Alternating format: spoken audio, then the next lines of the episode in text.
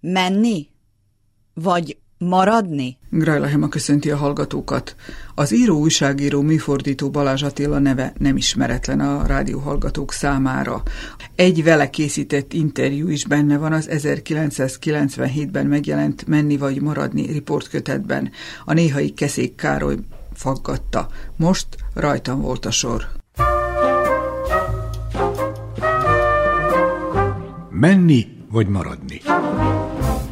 A beszélgetés első részét nem én készítettem, úgyhogy számomra ez most egy premier, ami az interjút illeti veled kapcsolatban. Számomra meg bocs, egy jó memóriapróba. De nem kérem számon azokat a dolgokat, azonban van néhány érdekes mondat, amit kiellemezhetünk most is. Te annak idején többek között azt mondtad, hogy aki tud, maradjon, de hát a helyzet úgy hozta, hogy 1991-ben elhagytad az akkori Jugoszláviát, és az interjú 94-ben Pesten készült veled, ott éltél egy jó ideig, és idestova hány éve?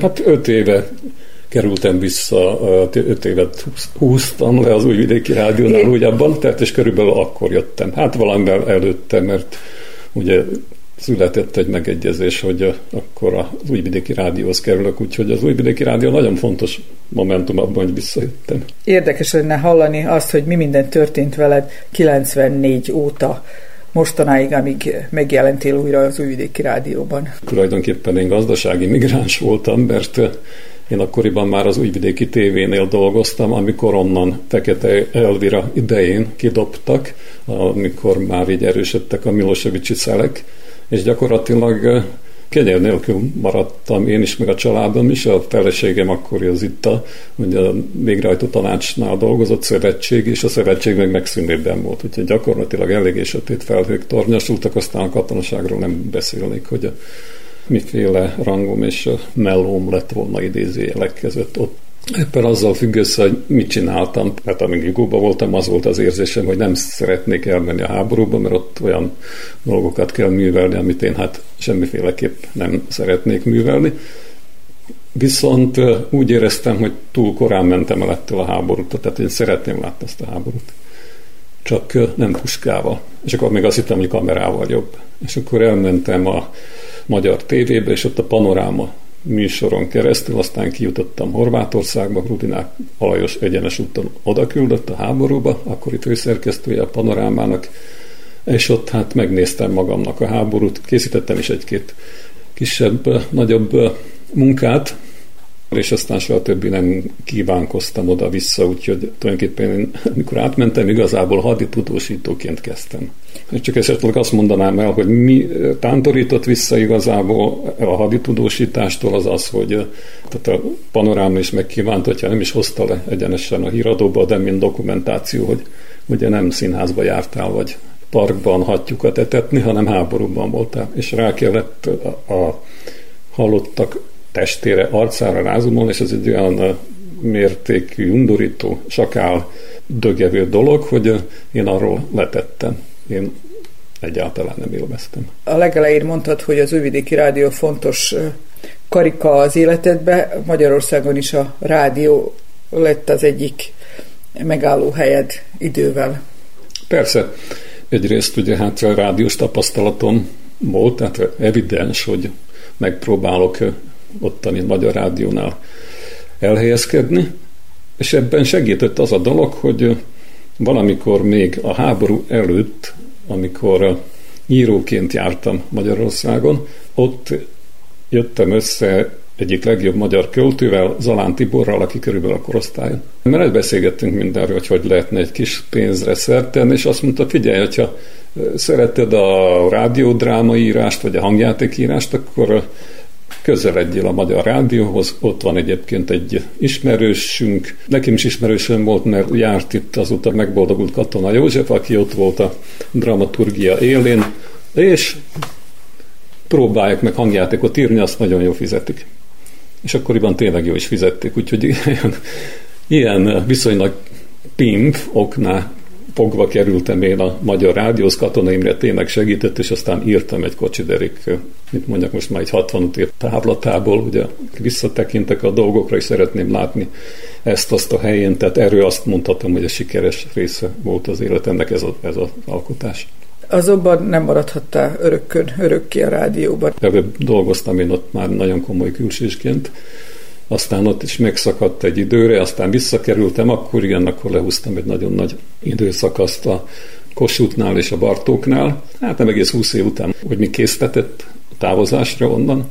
Nem jöttem igazából össze azzal a társasággal, amelyik az újabb Fidesz érában elfoglalta rádiót, és hát én nekem vannak ilyen rossz érzéseim ezzel kapcsolatban, mert amíg én rádióztam, akkor a kultúrát terjesztettük, és hallgattak határon túl mindenfelé. Kossuth Rádiónak az egy nagyon nagy hallgatottsága volt és hatása. Na, ezt sikerült lerombolni már az én időmnek a vége felé, amikor is kultúra helyett, amit hatod rangú dolognak tekintettek azok az emberek, akik akkor kerültek hatalomra a rádióban, az nem az én világom, tehát én a kulturális rádiózása voltam. Úgyhogy itt észrevettük, hogy ez két dolog nem megy együtt. Nem egy hullámhoz. Ők se nekem, én se nekik, és akkor volt azért ebben a dologban húzavona, ez meg az, de végül azzal ért véget, hogy kaptam egy ilyen végkielégítést én is. Egyébként nagyon sokan hasonló típusok, mint én távozni kényszerültek, és csak annyit említenék meg egyébként, hogy a saját szavaimat szeretettel alátámasztandó, hogy amikor még megboldogult Körösi Zoltán idején, a kulturális szerkesztőség működött és virágzott, akkor a Rádiószínházzal együtt olyan száz ember tartozott egy szerkesztőségbe. Ebből hányan maradtak már? Ketten. Akkor, amikor lehorgonyoztatok Pesten, meg hát az elkövetkező években, hogy érezted magad, hova mentél innen, Újvidékről, a telepről? Összetűzhető azzal a gondolattal, hogy én már előtte nagyon sokszor jártam Pesten, publikáltam, nagyon sok ismerősem volt. És Ismert nem beszél, voltál. És nem beszél, hogy rokonok. rokonok. Hát igen, viszonylag ismertem, mennyire irodalom népszerű. Voltak jó bejáródott útjaim. Akkoriban még például irodalmi tiszteletdiakból meg lehetett élni. Vékonyan, de meg. Tehát, hogyha én egy aglegény lettem volna, akkor szépen megmaradtam volna tisztán az irodalomnál, én kijöttem volna abból. Ellenben a családot is aztán utánam hoztam, vagyis hát ők utánam jöttek, akkor hát már így jobb volt azért valahol rendesen elhelyezkedni. A második világháború után, ez megint egy nagyon hosszú történet, amit gyakran meg is írtam, az történt, hogy a Temerini nagyapám az ukrajnai frontra került zászlósként, és aztán amikor az véget ért, mindig nevetve mondta, hogy ő Lükvercből vissza, de Szegedig, és akkor volt esze, megérdeklődte, hogy menjen a Temerinbe. Mondták, akiktől érdeklődött, hogy nem folyik a partizán revans, tehát semmiképp se jöjjön vissza. És akkor ő Szegedről üzent a családnak, akkor a felesége, meg a fiatalabb gyermek, mostani nevén és titulusán nevezem dr. Balázs Otto, ők még átszöktek valahogy a zöld határon, de amikor édesapánk, Balázs Pál, aki a rádiónál dolgozott, úgy szint megboldogult, ő, amikor elindult ugyanúgy a kukoricással árkon bokron át, akkor őt már csipték, úgy lesittelték, tehát ő leülte a magáit Mitrovicán. De a másik része az ott maradt. Ergo nagybátyám, unokatestvéreim, nagyszülők, azok ott voltak Magyarországon. Tehát nem lehet mondani, hogy az ember elment oda idegenbe. Sok szempontból valahogy össze kellett azért nekünk rázódnunk Magyarországnak, meg nekem, mert az emberek mentalitása azért jó részt másmilyen volt, mint amilyen volt a miénk ebben a multikulturális jugóban. Őszintén szólva némi klaustrofóbiát éreztem Magyarországon, mert mondom pontosan ebből kifolyólag, hogy Jugoszlávia arany idejében mindenfelé voltak barátaim, és lehetett menni, folyt mindenféle kulturális színházi élet, irodalmi, hívtak engem is Ljubljanába, Szarajevóba, stb. Sőt, ugye akkor dolgoztam a Újvidéki Rádiónál, 80-as évek derekától, aztán a tévébe, úgyhogy mentem a Pulai Fesztiválra, mentem Macedóniába, mentem Okridi Fesztiválra, stb. Úgyis, mint újságíró, meg úgyis hívtak, mint írót. Most ehhez képest szűk területnek tűnt ez a trianoni határok közé szorított létesítmény vagy maradék. Szenvedtem én ettől egy darabig, és gyakran gondoltam, úgy emlékszem egy-két gondolatomra, hogy mentem ott az utcán Pesten, lehet, hogy egy kicsit csöröztünk, és a többi, és akkor az, ember, az emberen különféle hangulatok vesznek erőt. Egy konkrét esetre emlékszem, amikor alig bírtam ki, hogy fel ne szálljak a vonatra, hogy jó van, elég volt, elég volt, most már menjünk haza. Hát, hogy nem menjünk haza, abban az is segített, a haza nem lét, haza közben tönkrement. A background tönkrement, nem beszélve arról, hogy még dúlt a háború, és nagyon sok kötelezettségem, a hadi kötelezettségem az érvényes lett volna. Én tizedes iskolába kezdtem, és aztán mentem fel tovább a kommandósig, meg alpesi egységekig, úgyhogy... Lett volna munkád? Lehet volna munkám.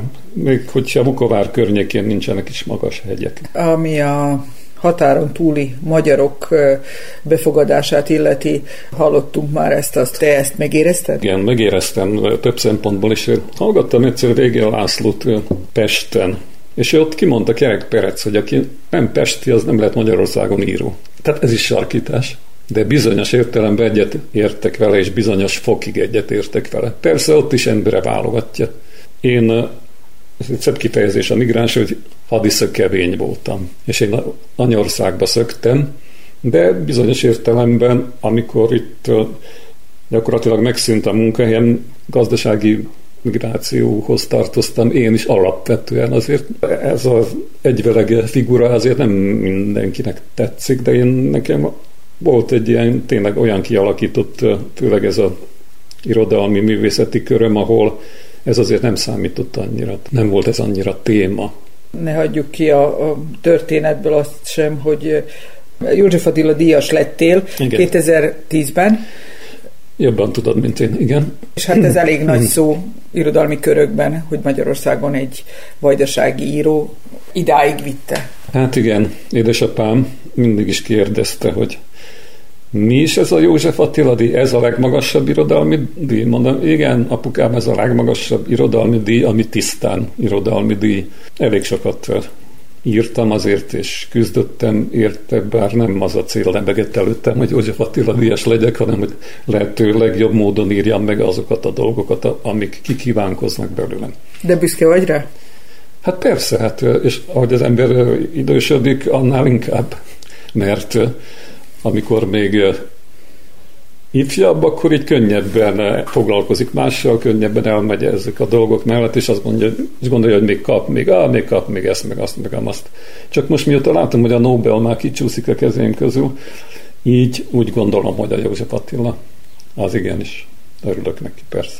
Az, az egykoron elkészült interjúban mondtad, hogy a Pestre költözés gondolata gyakran megfordult a fejemben, de lehetséges, hogy a háború nélkül nem következik be. Ezt ma is állítod? Igen. De az emberek egy ilyen nagy döntése, tehát ez nem az, hogy most ma este megetetem a kutyát, vagy nem, hanem egészen a zsigerig érintő kérdés. Ez gyakran sok összetevés, tehát ez nem egy, tehát vannak súlyosabb, vastagabb összetevői ennek a döntésnek, és vannak kisebb, nagyobb, vékonykább. Hát alapvetően igen. Tudni kell, hogy Pestnek nagy a belső ellenállási ereje, ezt te, te mondtad. Uh-huh. Egyre inkább meg vagyok győződve, hogy ez a világ egyik legnagyobb provinciája, de már Újvidék nevének elhangzása is provinciális minősítést vált ki az emberek sokaságából, akik ilyen értelemben nem tudnak elég okosan és toleránsan viselkedni. A szellemi rétegnek az a része, amelyikben én mozogtam, az kevésbé volt ilyen. De a köznépre igen, persze, hogy abszolút nagyon sokan nem is találták fel magukat, de mondjuk nekik esetleg hiányzott az a réteg, amelyiknek fejlettebb toleranciája van, vagy fejlettebb szellemi szintje. Én ezt azért attól függetlenül, hogy nagyon nagy írók, filozófusok és művészek egyáltalán például nem tudtak ellenállni a fasizmusnak, azért mégis azt mondom, hogy egy humánus szellemi réteg kevésbé hajlik befolyásolható ilyen, ilyen dolgokra. És kevésbé befolyásolható mondjuk a populizmus irányába is, akkor a politikát esetleg no politics hagyjuk. Időközben, ahogy múltak az évek, megint döntés elé kellett állítani magadat, Bizonyos családi körülmények megkönnyítették ezt a dolgot, mert időközben a lányom felnőtt, én és a feleségemmel elváltunk, annak ellenére azt el szeretném mondani, hogy nagyon jobban vagyunk, stb. minden, de bizonyos értelemben ez, ez így jobb volt, és akkor volt egy másik kapcsolat, amiknek vége lett, vége lett ennek a kapcsolatomnak a rádióval is, tehát ezek a dolgok itt találkoztak. De akkor beszéltem itt név szerint Klem Jóskával, ő mondta, hogy itt tártkapukat döngetek, úgyhogy aztán végül úgy döntöttem, miután hát egy idő múlva pénz nélkül maradtam. Tehát évekig egy olyan jövedelemből él az ember, ami nagyon vékonyka, és azért valamihez hozzászokott, valami jobbféle életformához.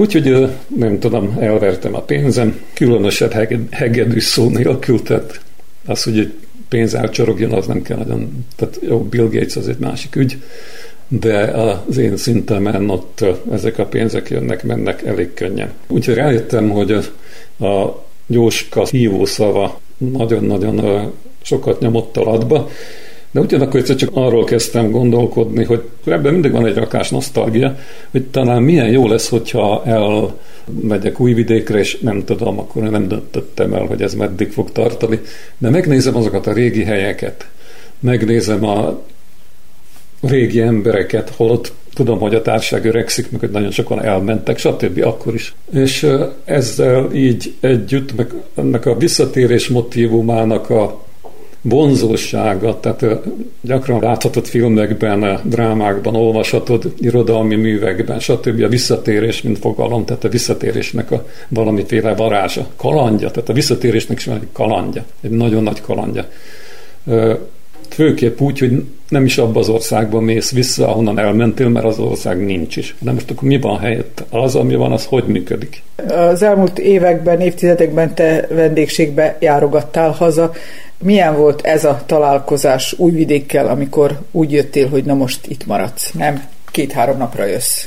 Hát amikor két-három napra jöttem, akkor nem is lehetett ilyen feladat, hogy megnézni azokat a helyeket, amelyek annyira vonzónak tűntek valamikor eldugottabb helyek, nem a városközpont, vagy Péterváradi vár, holott a Péterváradi vár egy nagyon erős vonzerőt képez számomra. A különbség egyébként alapvetően tényleg az, hogy amikor itt pár napra jöttem, akármilyen felállásban, akárkivel azért nagyjából az a pár nap csak pár nap, és nagyjából vendégségbe is le kellett tudni azt a beszélgetés kontingenst is, ami olyankor vár az embere. És az elvette azért nagy, nagyon nagy részét az időnek, hál' Istennek persze, a közös csalapcsücsösütések, meg az utána folytatott eszmecserék, tehát nem érkeztem el menni mondjuk Kamenicára éppenséggel, vagy tovább azon az úton, amerre szerettem. Szeret szeremségbe, igen, meg a Badniki medencébe egyet lubbanni. Úgyhogy ezek a dolgok csak akkor következtek be, amikor már ide-vissza költöztem, de én definitíven nem költöztem ide-vissza, hanem úgy gondolom, hogy két laki vagyok, és eddig nagyon haragudtam erre a debilis vonatra, amelyik a világ leglassúbb vonatja, de rájöttem, hogy nagyon jó, tehát ülök rajta laptoppal, és ringok, Végzed a munkát. ringok 30 km-es sebesség, aztán is találtam, hogy írok ott egy könyvet, ami Kutya Blues névre hallgat, és már elég jó mélyen belegázoltam én ebbe a Kutya Bluesba, amikor is elkezdték építeni Belgrádból a vasutat újvidék felé, csak ugye lassabban haladnak, mint a vírus, úgyhogy az ellenkező irányból megérkezett a vírus, és akkor ez a vonat megszűnt.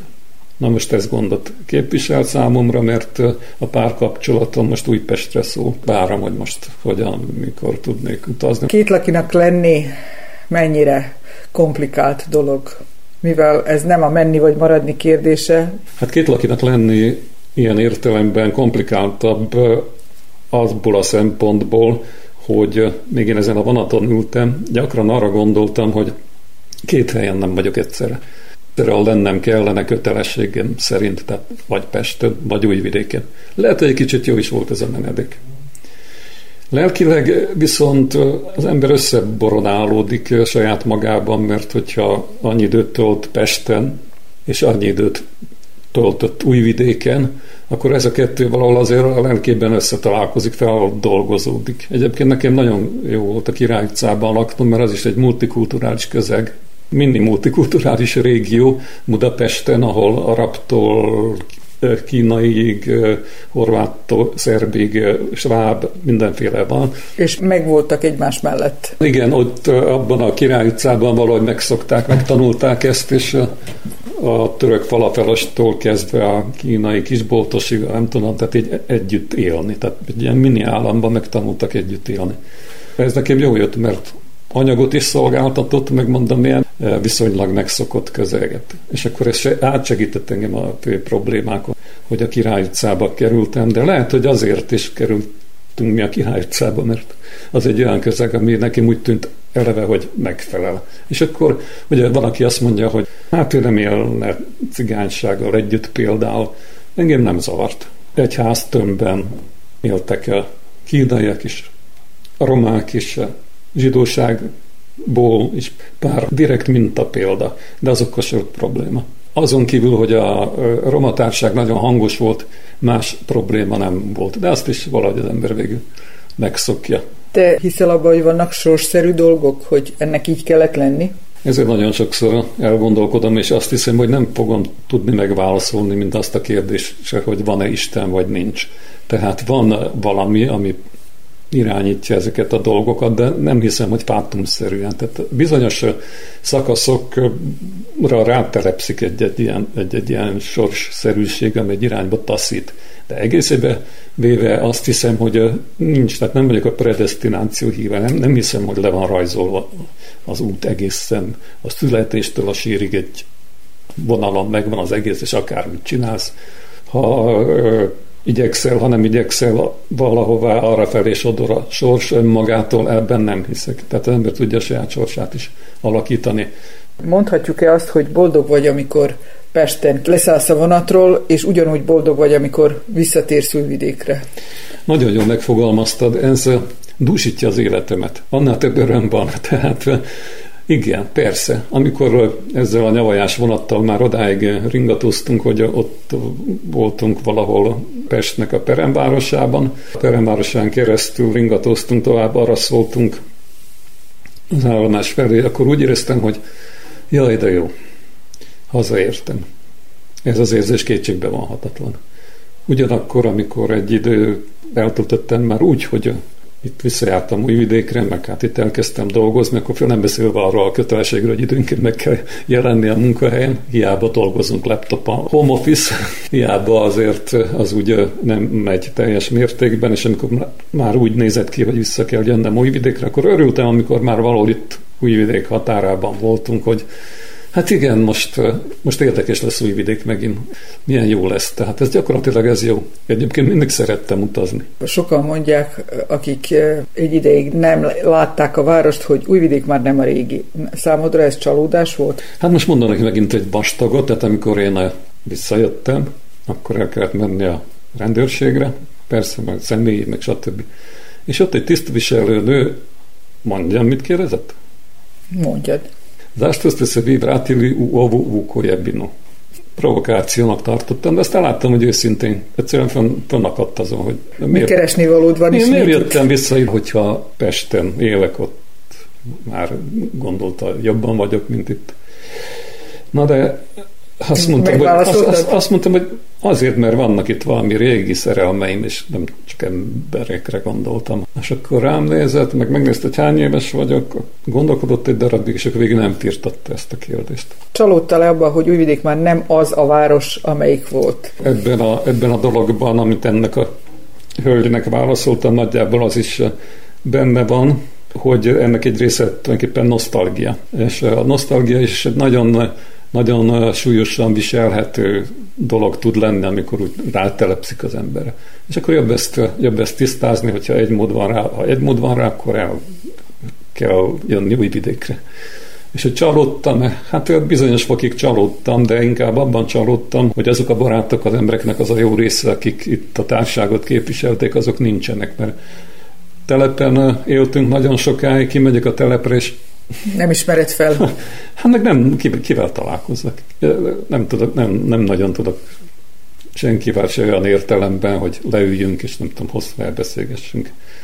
Volt egy pár kolléga, egyik Ausztráliába ment, Ilír utcából, Ilírszkából, van, aki Kanadába, van, aki az Egyesült Államokba, és nincsen. Mindez következtében elmagányosodtál, amikor itt vagy? Itt vannak húgomék, tehát én itt húgoméknál lakom, úgyhogy van kivel beszélgetni, és azért nem vagyok teljesen társtalan.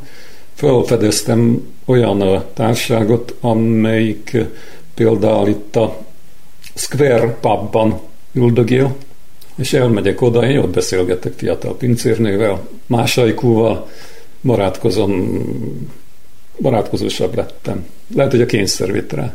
Én autómechanikustól kezdve egész szépen elbeszélgetek, és élvezem. Tehát ha, lehet, hogyha nem lennék író, akkor lehet, hogy, lehet, hogy kevésbé tekinteném ezt hasznosnak, de egyszerűen azt is tudom mondani, hogy életanyagot gyűjtök. Ezt akartam mondani.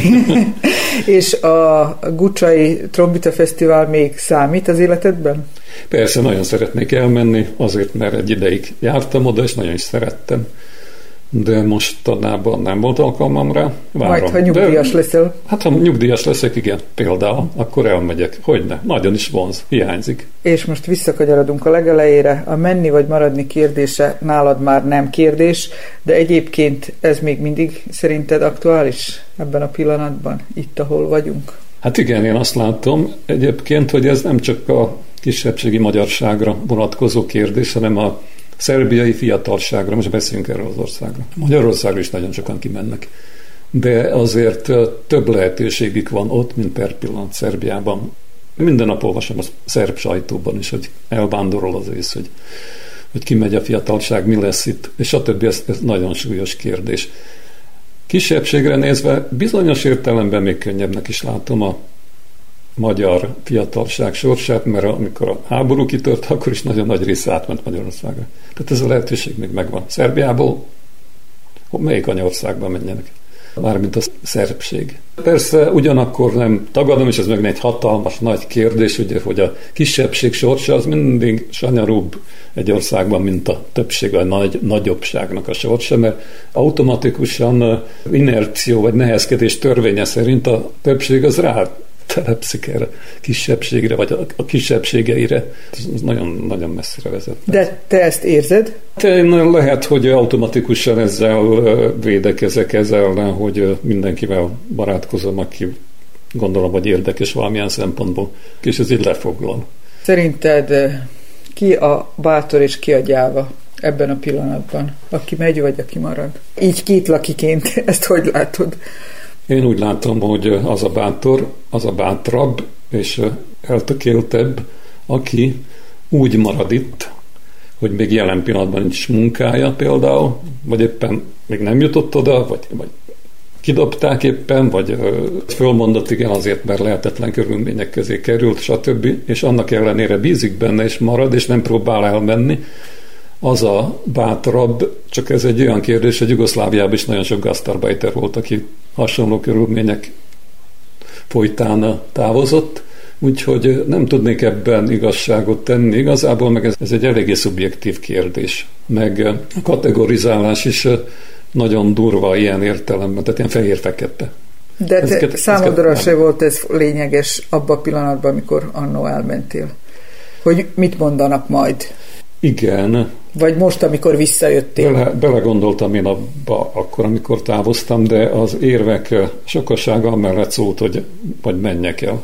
Hát ebben a dologban különben nehezen tesz igazságot az ember így, hogy, hogy most akkor azért, hogy abszolút jó cselekedte ezt a dolgot, vagy jó tette ezt a dolgot, hogy elment, de én mondom, nem tudom, tehát én azt azért tisztáztam magamban, és akkor visszatérünk a háborúra, hogy az, az, az eléggé. Tehát ha a többi érvesik is, az azért eléggé, eléggé nyomos dolog, hogy az ember elmenjen. De most mondjuk nincs háború. Szerintem a döntési lehetőség az, az könnyebb.